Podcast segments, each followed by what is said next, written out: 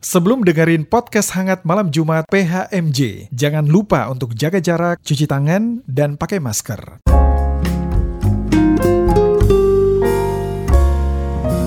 Podcast Hangat Malam Jumat.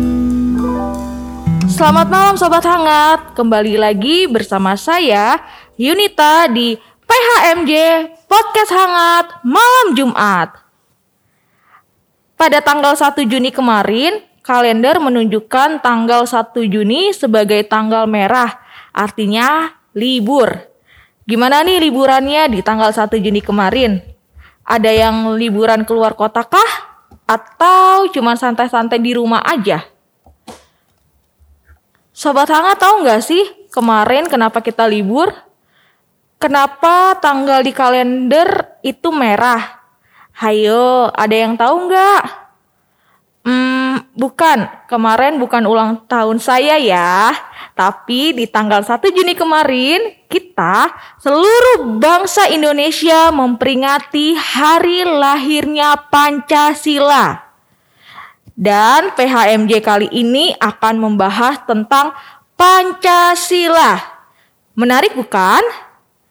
Kita akan membahasnya bersama narasumber kita yang luar biasa yaitu Yusa Katuuk. Selamat malam Yusa, apa kabar? Selamat malam Kak Yunita, selamat malam Sobat Hangat, kabar baik puji Tuhan. Kak Yusa silakan memperkenalkan diri. Apa aja nih, memperkenalkan dirinya nih, Anak dari aja? siapa mungkin ya? Boleh. Siapa tahu ada yang lupa gitu. Yusa ini anak dari siapa gitu. Silsilah keluarga nggak usah ya, cukup orang tua aja ya. Eh, ya selamat malam Sobat Hangat, Eh, aku Yusa, Eh, panjangnya Ganes Farah Yusa Katuuk, Eh, anaknya Om Edward Sony Katuuk, karena tadi ditanya ya, Eh, dari sektor 4, rumahnya di Maharta, untuk saat ini kegiatan bekerja. Eh, jabatan di gereja masih dikasih tahu dong. Ini Oh. siapa sih nih Yusa ini gitu kan? Nggak, soalnya nggak ada nih tadi di pertanyaannya nih. Tambahan-tambahan. ya saat ini masih puji Tuhan dipercayakan melayani di gerakan pemuda sebagai ketua. Eh, next periode eh, gimana? Itu boleh nanti nggak? nanti Pertanyaan titipan. akan ada podcast tersendiri ya harusnya tentang gitu itu ya. Ada pertanyaan titipan soalnya. Dan nggak ketinggalan juga telah hadir Ibu Pendeta Dina. Selamat malam Ibu Pendeta, apa kabar? Puji Tuhan baik, Kak Yunita, Tuhan berkati. Sobat hangat yang penasaran tentang kenapa kemarin kita libur? Pancasila itu kenapa sih harus diperingati? Memangnya Pancasila masih relevan di masa kini? Jangan ke mana-mana, kita akan ba- membahas tuntas tentang rasa penasaran kalian pada segmen berikutnya. Tetap di PHMJ, Podcast Hangat Malam Malam Jumat.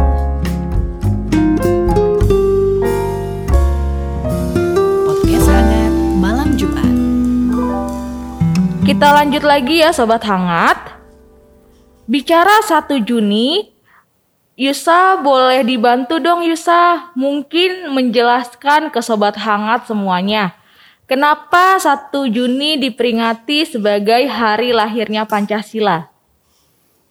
Oh ya, ini kita sama-sama belajar bareng lagi ya sejarah. Soalnya aku juga nggak mungkin tiba-tiba tahu karena pasti kita cari tahu dulu nih kenapa 1 Juni itu bisa diperingati sebagai hari lahirnya Pancasila. Awalnya itu dulu sejarah waktu kemerdekaan kan kita terakhir dijajah sama Jepang ya. Lalu di tahun 1945 Jepang sudah mulai ada eh, mulai tercium bobo kekalahan oleh sekutu. Jadi dia berusaha menarik hati masyarakat Indonesia yang dijajah saat itu dengan mengiming-imingi bahwa kit- eh, Jepang kami akan memerdekakan Indonesia gitu. Nanti Indonesia akan merdeka. Lalu mereka membuat namanya eh, suatu badan eh, bahasa Jepangnya Dokuritsu Junbi Chosakai kalau nggak salah. Itu BPUPKI yang kita kenal dengan BPUPKI Badan Penyelidik Usaha-usaha eh, Persiapan Kemerdekaan Indonesia. Lalu BPUPKI itu dulu sidang pertama kali eh, sekitar lima hari, tanggal 29 Mei sampai tanggal 2 Juni 1945 dan di rangkaian sidang itu pada tanggal 1 Juni 1945 Bapak Presiden pertama kita Pak Presiden Insinyur Soekarno beliau menyampaikan gagasannya tentang landasan eh, bangsa Indonesia ketika nanti sudah merdeka dan sebenarnya eh, itu lebih panjang lagi nanti kalau kita mau bahas sejarahnya bukan cuman Pak Presiden Soekarno doang yang ngasih gagasan, ada beberapa tokoh lain yang juga memberikan gagasan. Tapi kita saat ini fokus kepada Pancasila. Ah, singkat cerita akhirnya disetujui oleh BPUPKI yang waktu itu diketuai oleh Bapak Rajiman Widyodiningrat. Setelahnya, setelah disetujui, itu nggak langsung diketok palu bahwa Pancasila jadi dasar negara. Masih kembali digodok, waktu itu uh, kembali dibentuk badan yang berbeda dari BPUPKI namanya Panitia 9. Nah Panitia 9 ini yang akhirnya menggodok, menyempurnakan Pancasila dari yang disampaikan oleh Pak Presiden Insinyur Soekarno tanggal 1 Juni 1945 itu disempurnakan dan akhirnya dis- disahkan di sidang tanggal 18 Agustus 1945 sehari setelah proklamasi kemerdekaan disahkan bahwa Pancasila yang sekarang kita kenal ada lima sila itu akhirnya disahkan jadi eh, dasar negara kita ideologi negara bangsa Indonesia. Mungkin itu sih sejarahnya. Panca itu artinya lima sila itu artinya asas kayak gitu Kak Yunita. Yang aku tahu ya ini eh, kita sama-sama belajar lagi sejarah singkat gitu. Aku juga kembali buka buku-buku sejarah nih tentang pertanyaan Pancasila ini dan kembali diingatkan oh iya ya dulu prosesnya seperti ini gitu. Bisa sampai ada Pancasila sebagai dasar negara kita. Begitu Kak Yunita. Wah, menarik ya sejarahnya. Em, tapi kalau diingat-ingat lagi, sepertinya sat, eh, 1 Juni menjadi libur nasional bukan diadakan sejak 1945 kan ya? Sobat Hangat, karena seingat saya waktu saya SD dulu 1 Juni itu saya masih harus masuk sekolah nih. Jadi sejak kapan ya Yusa 1 Juni itu dijadikan libur nasional? Ya, ini juga salah satu fakta menarik yang sebenarnya mungkin kebanyakan orang Indonesia nggak terlalu memperhatikan. Kita tahu 1 Juni adalah hari lahir Pancasila, tapi sebenarnya diperingati menjadi hari eh, menjadi hari lahir Pancasila dan libur nasional itu nggak di, ta- di tahun 1945 itu. Dulu itu eh, pemerintahan Orde Baru, Orde Lama, ya dengan segala politiknya ya dulu kan masih ada eh, usaha-usaha sekutu juga untuk masuk, masih ada perjuangan setelah eh, Indonesia menyatakan diri merdeka 1945 sampai akhirnya reformasi dan segala macamnya dengan segala politiknya. Dulu kita kenal hanya eh, Hari Kesaktian Pancasila. Kalau sobat hangat tahu, itu pun di tanggal 1 Oktober yang kita peringati. Mungkin eh, nanti Ibu Pendeta kalau ada hal-hal yang terlewat atau keliru bisa dikoreksi ya Bu di akhir ini pengetahuanku. Dulu kita tahunya tuh Hari Kesaktian Pancasila. Kita peringati di 1 Oktober dan itu karena ada peristiwa G30 SPKI di tanggal 30 Septembernya. Setelah itu 1 Oktober diperingati sebagai Hari Kesaktian Pancasila. Nah, hari eh, lahirnya Pancasila diperingati 1 Juni itu dulu eh, baru resmi pada tahun 2016 lewat keputusan Presiden nomor 24 tahun 2016 yang disahkan oleh Presiden Jokowi yang menyatakan bahwa eh, bangsa Indonesia memperingati tanggal 1 Juni sebagai hari lahirnya Pancasila dan dinyatakan sebagai libur nasional. Tujuannya supaya pemerintah, masyarakat dan seluruh komponen masyarakat itu eh, memperingati, mengingat hari lahirnya Pancasila dan untuk mengamalkan Pancasila di kehidupan berbangsa dan bernegara. Begitu sih Kak Yunita untuk sejarah kenapa akhirnya 1 Juni jadikan hari libur nasional eh, hari lahirnya Pancasila. Nah, kenapa hari lahirnya Pancasila, Pancasila harus dijadikan hari libur nasional ya? Kenapa hari penting lainnya tidak diliburkan juga? Misalnya, hari lahirnya Undang-Undang Dasar 45 atau hari lahirnya lagu kebangsaan Indonesia Raya. Kalau hari lahirnya saya kan nggak nggak nggak nggak terjadi apa-apa juga kan gitu. Kenapa tuh harus lahirnya Pancasila aja nih yang dijadikan libur nasional?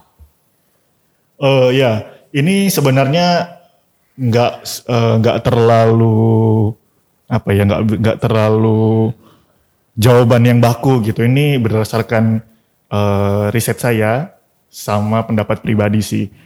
Eh, hari lahir Pancasila itu sebenarnya yang saya baca sudah diusulkan untuk dijadikan hari libur nasional itu dari pemerintahan Bapak Presiden kita Bapak SBY dulu tahun 2009 kalau saya tidak salah dan yang mengusulkan adalah mantan presiden sebelumnya Ibu Megawati. Eh, beliau mengusulkan 1 Juni ditetapkan secara resmi sebagai hari lahir Pancasila dan dijadikan hari libur nasional. Namun karena memang tidak semudah itu menjadikan satu hari menjadi hari libur nasional, kalau Kak Yunita tahu, Sobat Hangat tahu kan bisa cari di Google gitu. Misal tanggal random deh hari ini nih, hari eh, eh, mungkin besok deh, ha- tanggal 2 Juni. Cari di Google, 2 Juni hari apa? Pasti ada peringatannya hari itu. Karena eh, fun fact juga, hampir setiap hari itu ada diperingati gitu. Dan nggak mungkin kan kita setiap hari memperingati ada hal-hal yang terjadi gitu. Ada hmm, ada birokrasi khusus yang harus diselesaikan di pemerintahan untuk menjadikan sebuah satu hari itu eh, satu kejadian, satu peristiwa dijadikan sebagai hari libur untuk diperingati. Em, kalau menurutku, kenapa hari lahir Pancasila harus diperingati? Kenapa nggak undang hari lahirnya Undang-Undang Dasar 1945 diperingati, dijadikan hari libur nasional? Kenapa hari lahirnya lagu kebangsaan Indonesia Indonesia Raya tidak diperingati? Kenapa hari lahirnya Kayunita juga nggak libur gitu kan? Misal Iya benar itu tuh juga kenapa itu?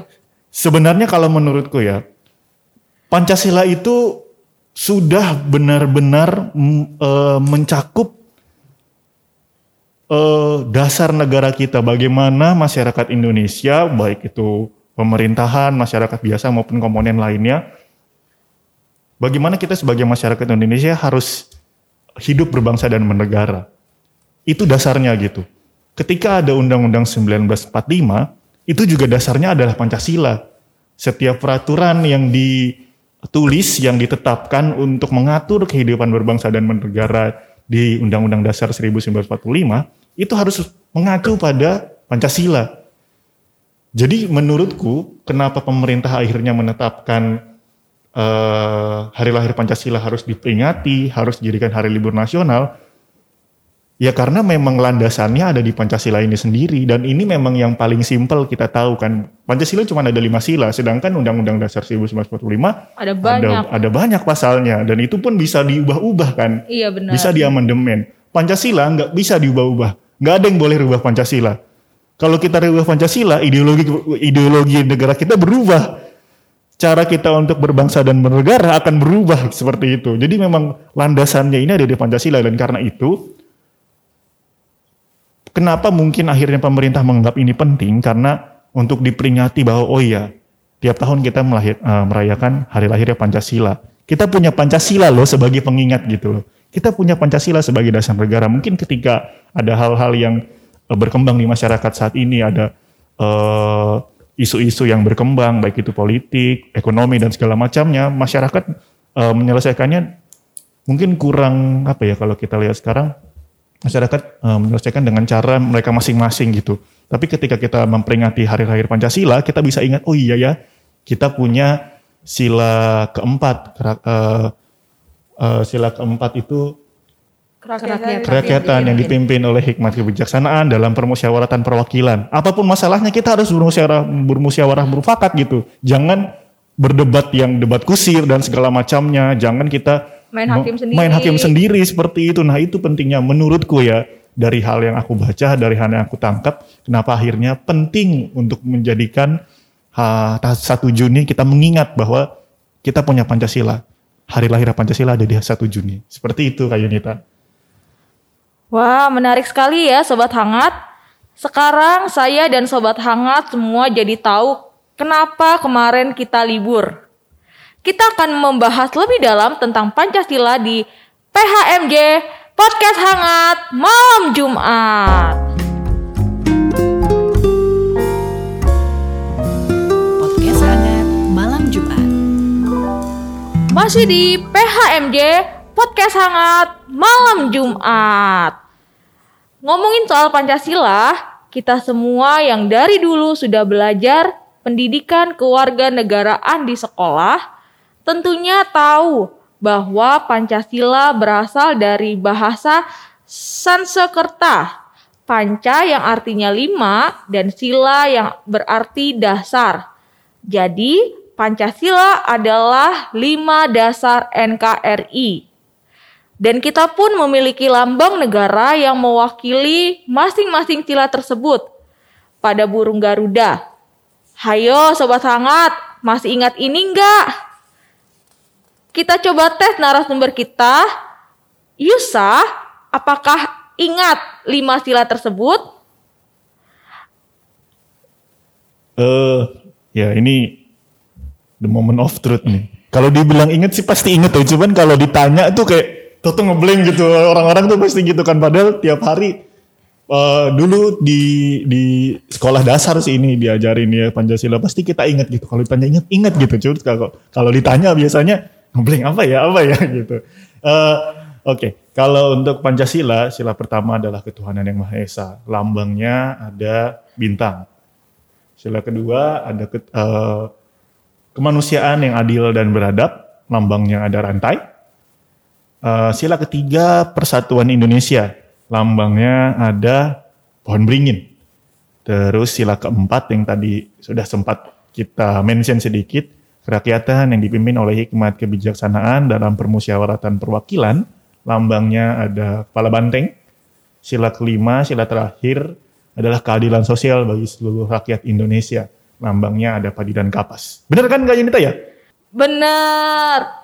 Wah, keren ya Yusa bisa menyebutkan lima sila Pancasila berserta dengan lambangnya.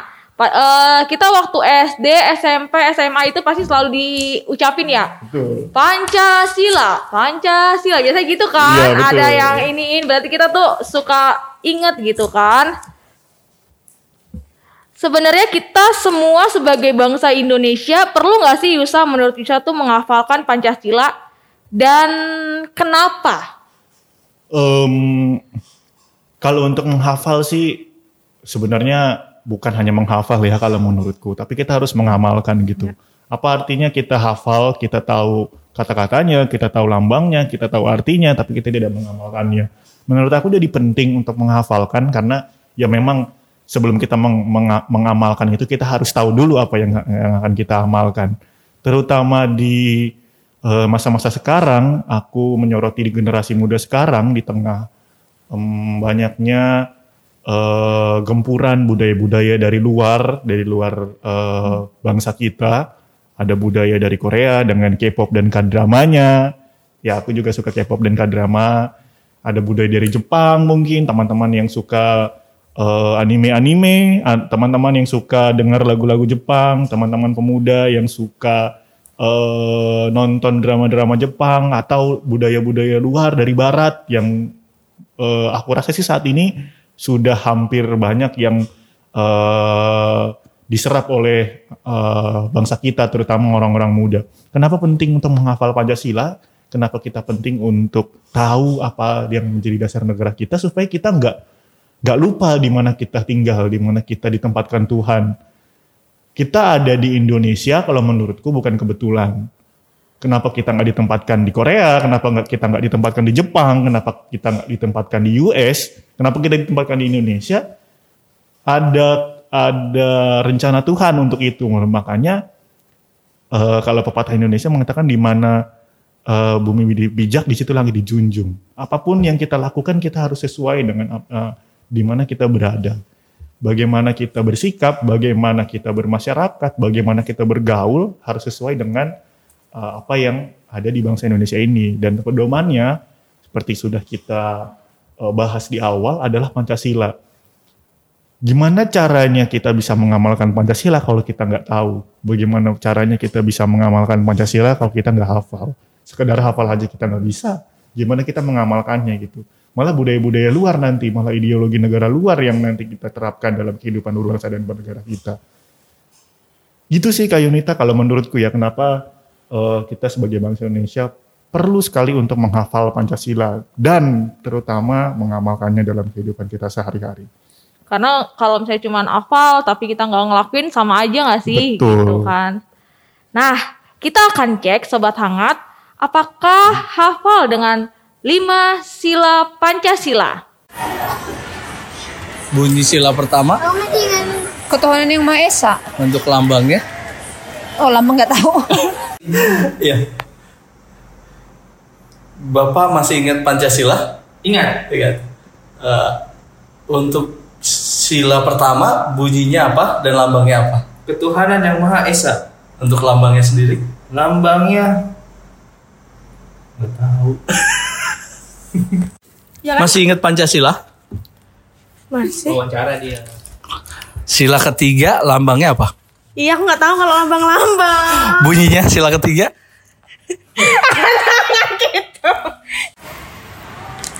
Ingat Pancasila? Ingat Pancasila sila ketiga bunyinya Persatuan Indonesia. untuk lambangnya? Uh, pohon beringin. Oke, thank you. Masih ingat Pancasila? Apa? Bunyi sila keempat.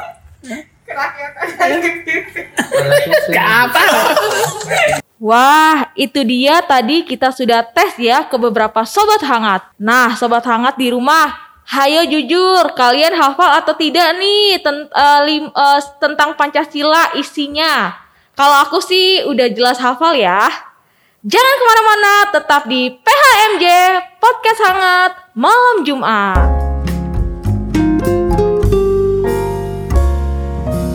Podcast hangat malam Jumat.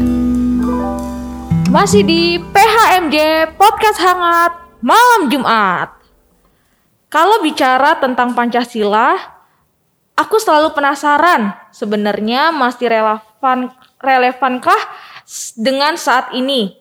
Karena tadi sudah dijelaskan bahwa Pancasila sudah ada sejak tahun 1945.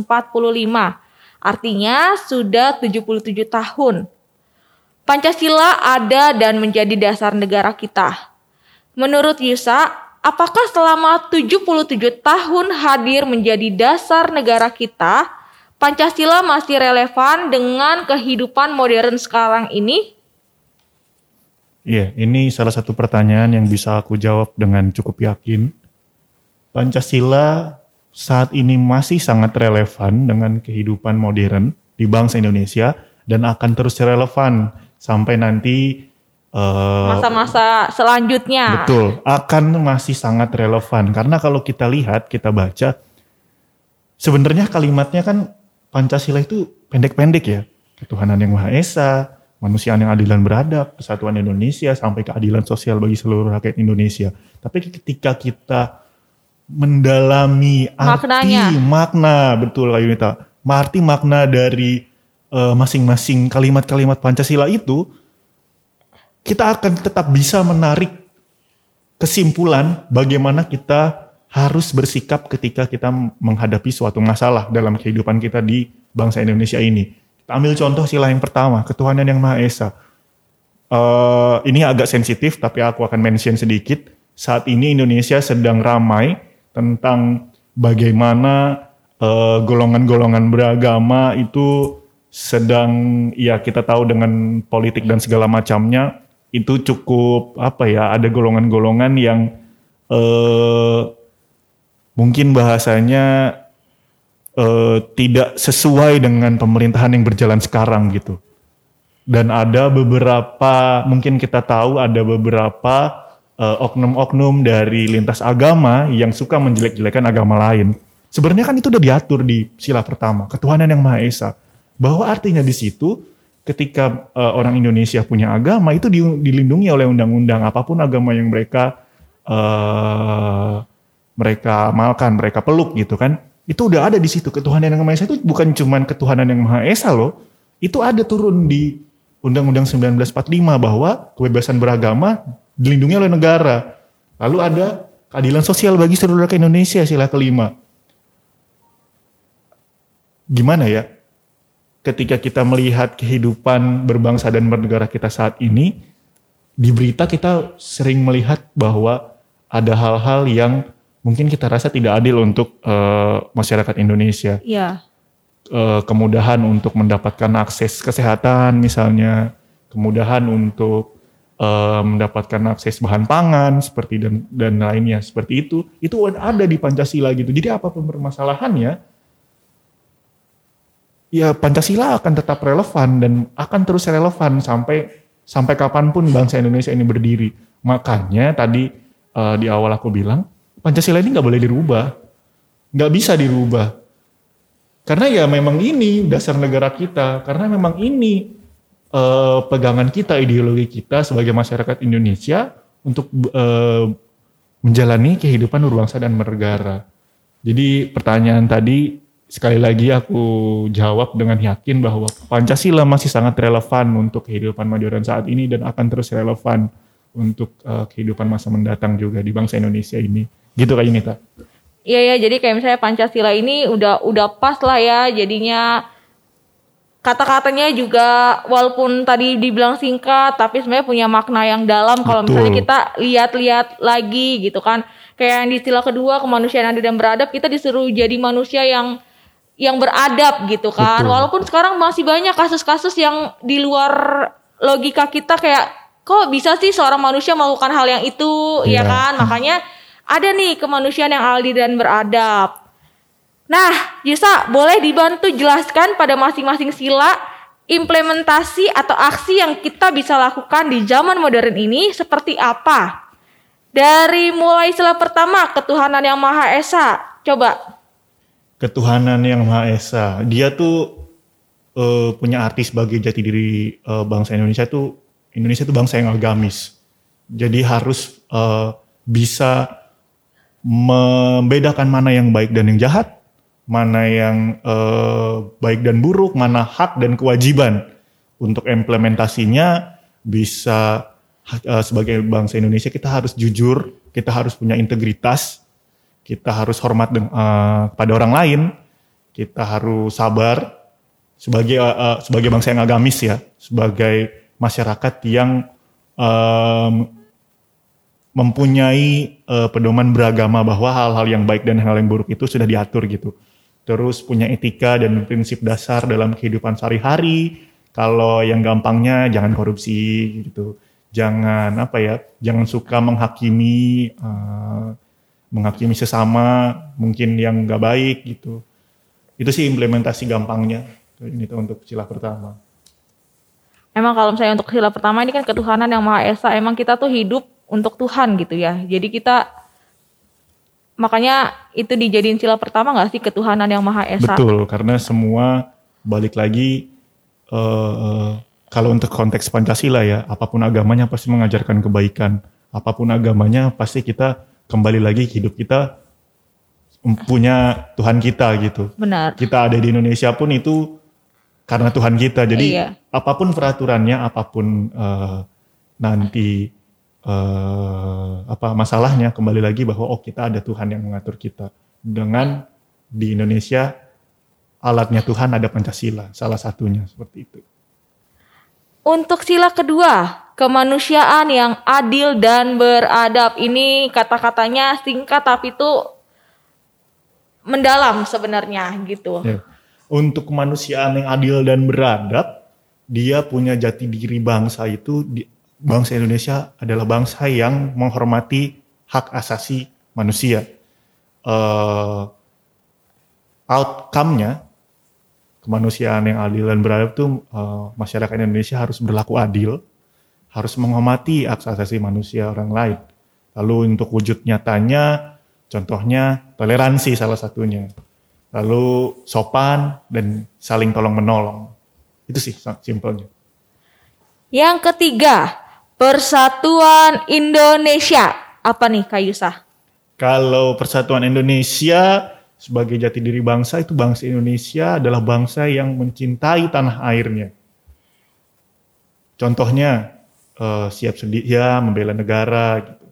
Terus siap sedia mem- membela kehormatan negara, hidup rukun dan damai menjaga keutuhan bangsanya, menjunjung tinggi kehormatan eh, bangsa dan negaranya.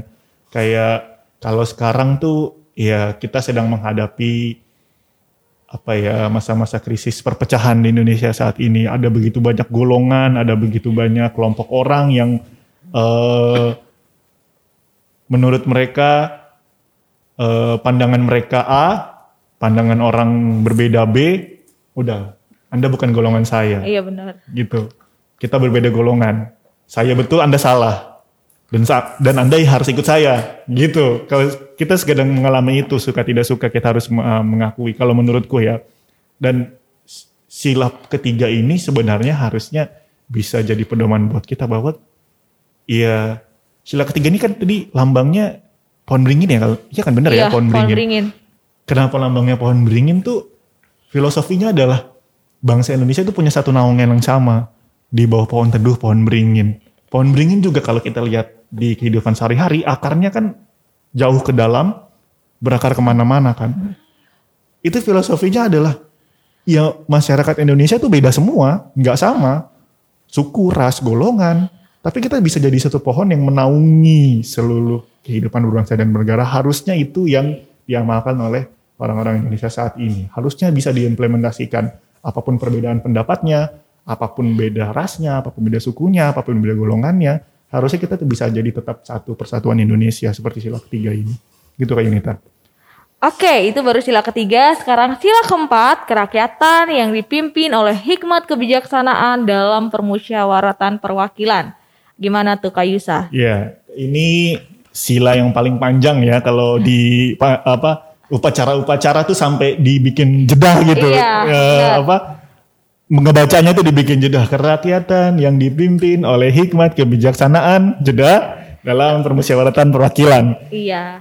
Dan ya ini salah satu juga yang sangat amat relevan saat ini bagaimana eh, harusnya bangsa Indonesia adalah bangsa yang demokratis dan memang saat ini kita sudah cukup demokratis kalau menurutku kebebasan berpendapat itu ada apa pun hal-hal yang di eh, akan ditentukan oleh pemerintahan semua berdasarkan musyawarah dan mufakat tapi eh, di eh, elemen kehidupan masyarakat eh, di bawah pemerintahan di di apa di bermasyarakat aja seperti kita gitu saat ini agaknya cukup sulit untuk benar-benar mengamalkan sepenuhnya sila keempat ini. Kita tahu kita harus bermusyawarah, kita tahu kita harus bermufakat, tapi ketika kita menyampaikan masing-masing pendapat, masih susah untuk men- eh, menerima pendapat orang lain. Ketika pendapat kita yang tidak diterima, kita yang, aduh, kok gini sih gitu.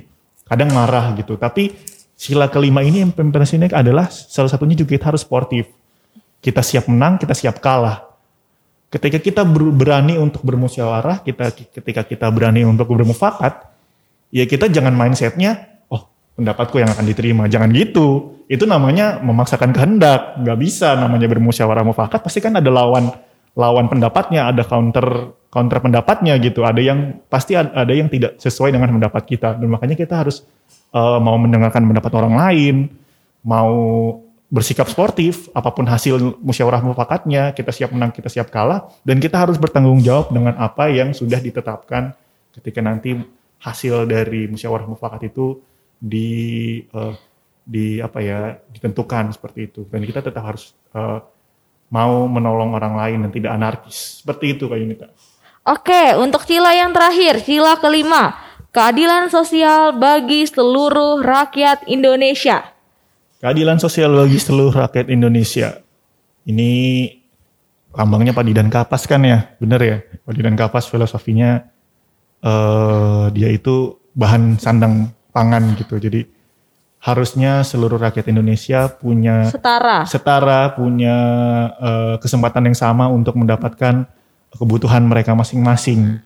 Eh, implementasinya sebagai jati diri bangsa, bangsa Indonesia adalah bangsa yang menjunjung tinggi kebersamaan, tidak mementingkan diri sendiri, kelompok atau golongan, memperhatikan nasib orang lain itu ada di Pancasila juga, sama seperti nanti mungkin Bu Pendeta akan melengkapi secara alkitabiah.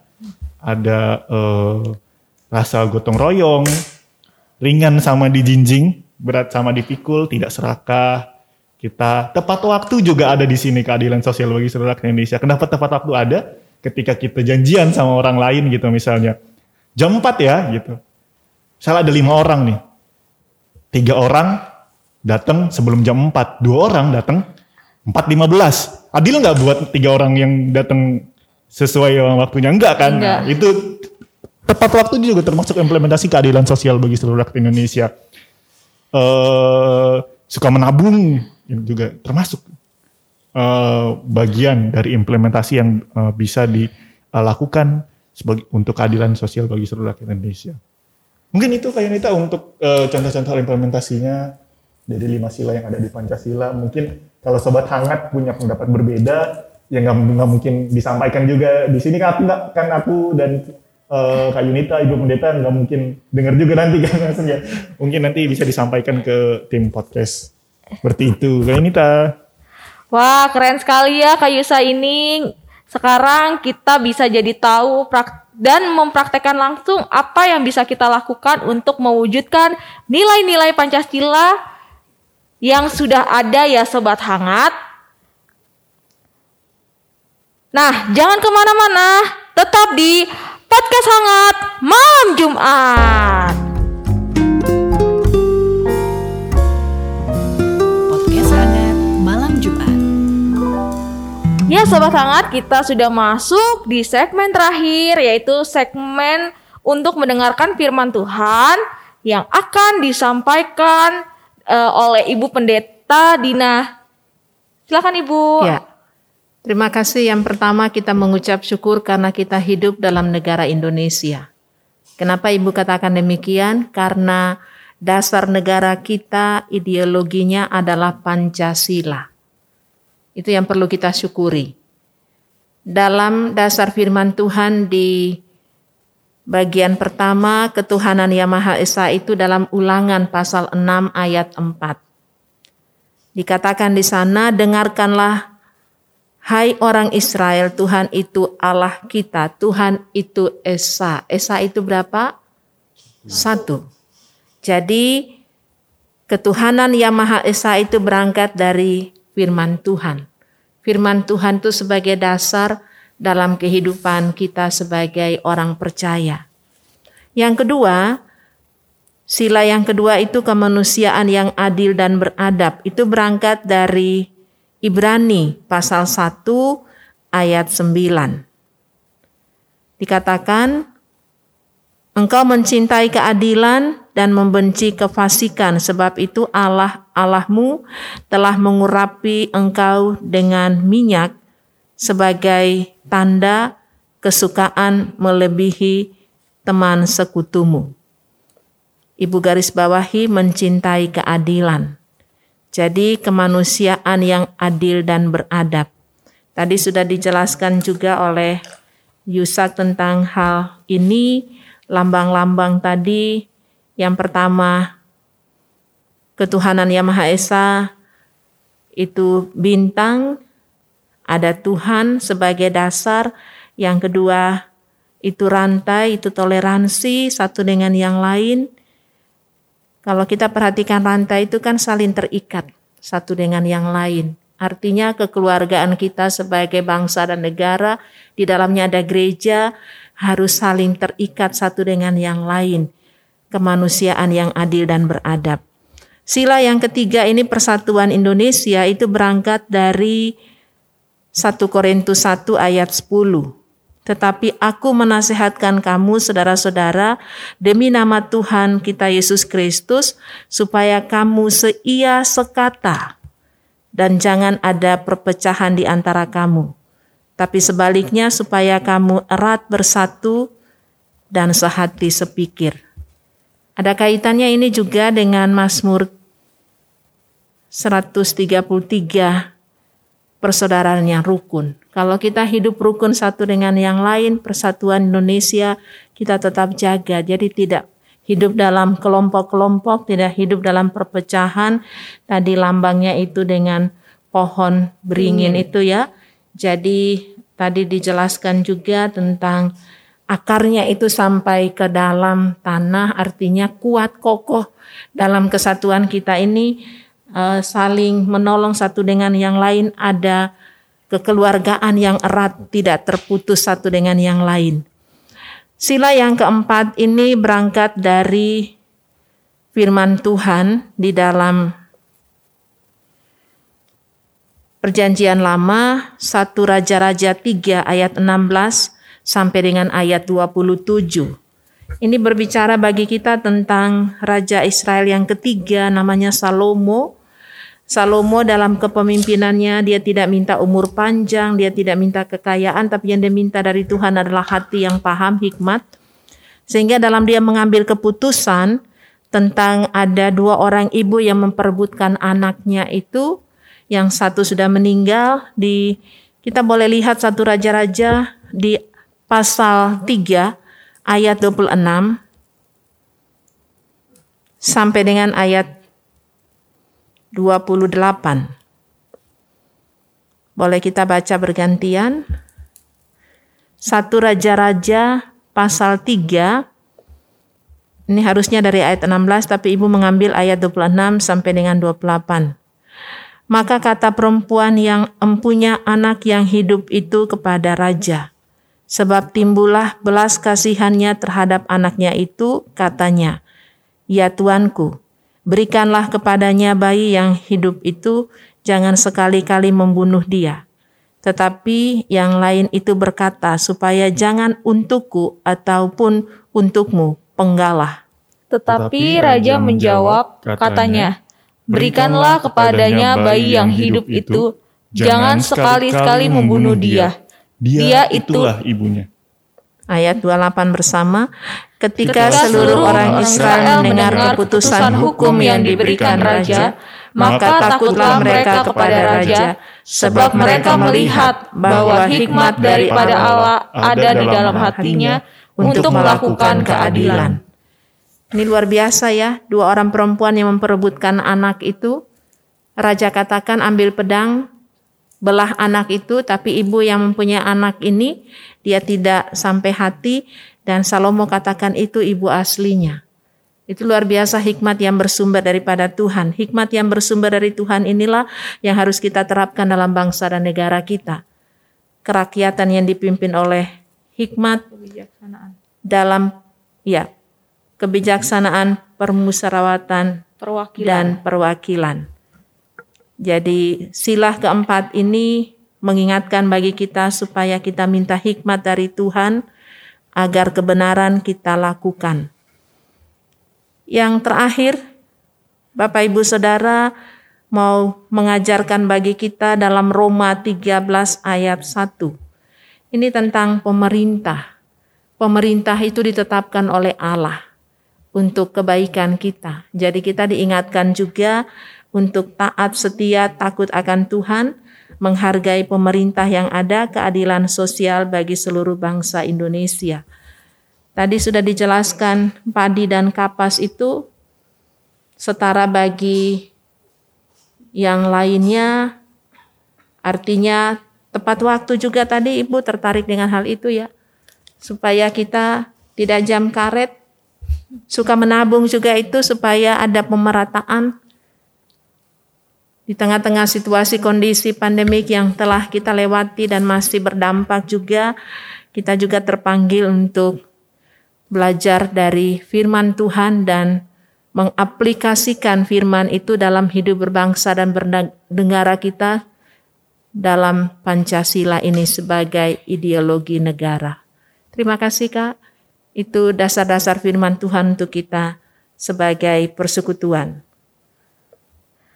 Oh ya, maaf. Yang terakhir ada lagi satu dari Yakobus 1 ayat 5.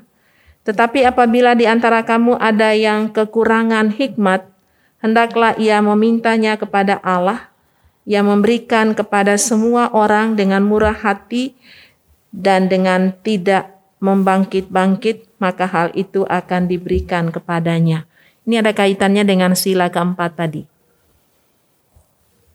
Begitu Kak? Tuhan berkati. Oke, itu adalah uh, terang dari firman Tuhan dari Ibu Pendeta Dina.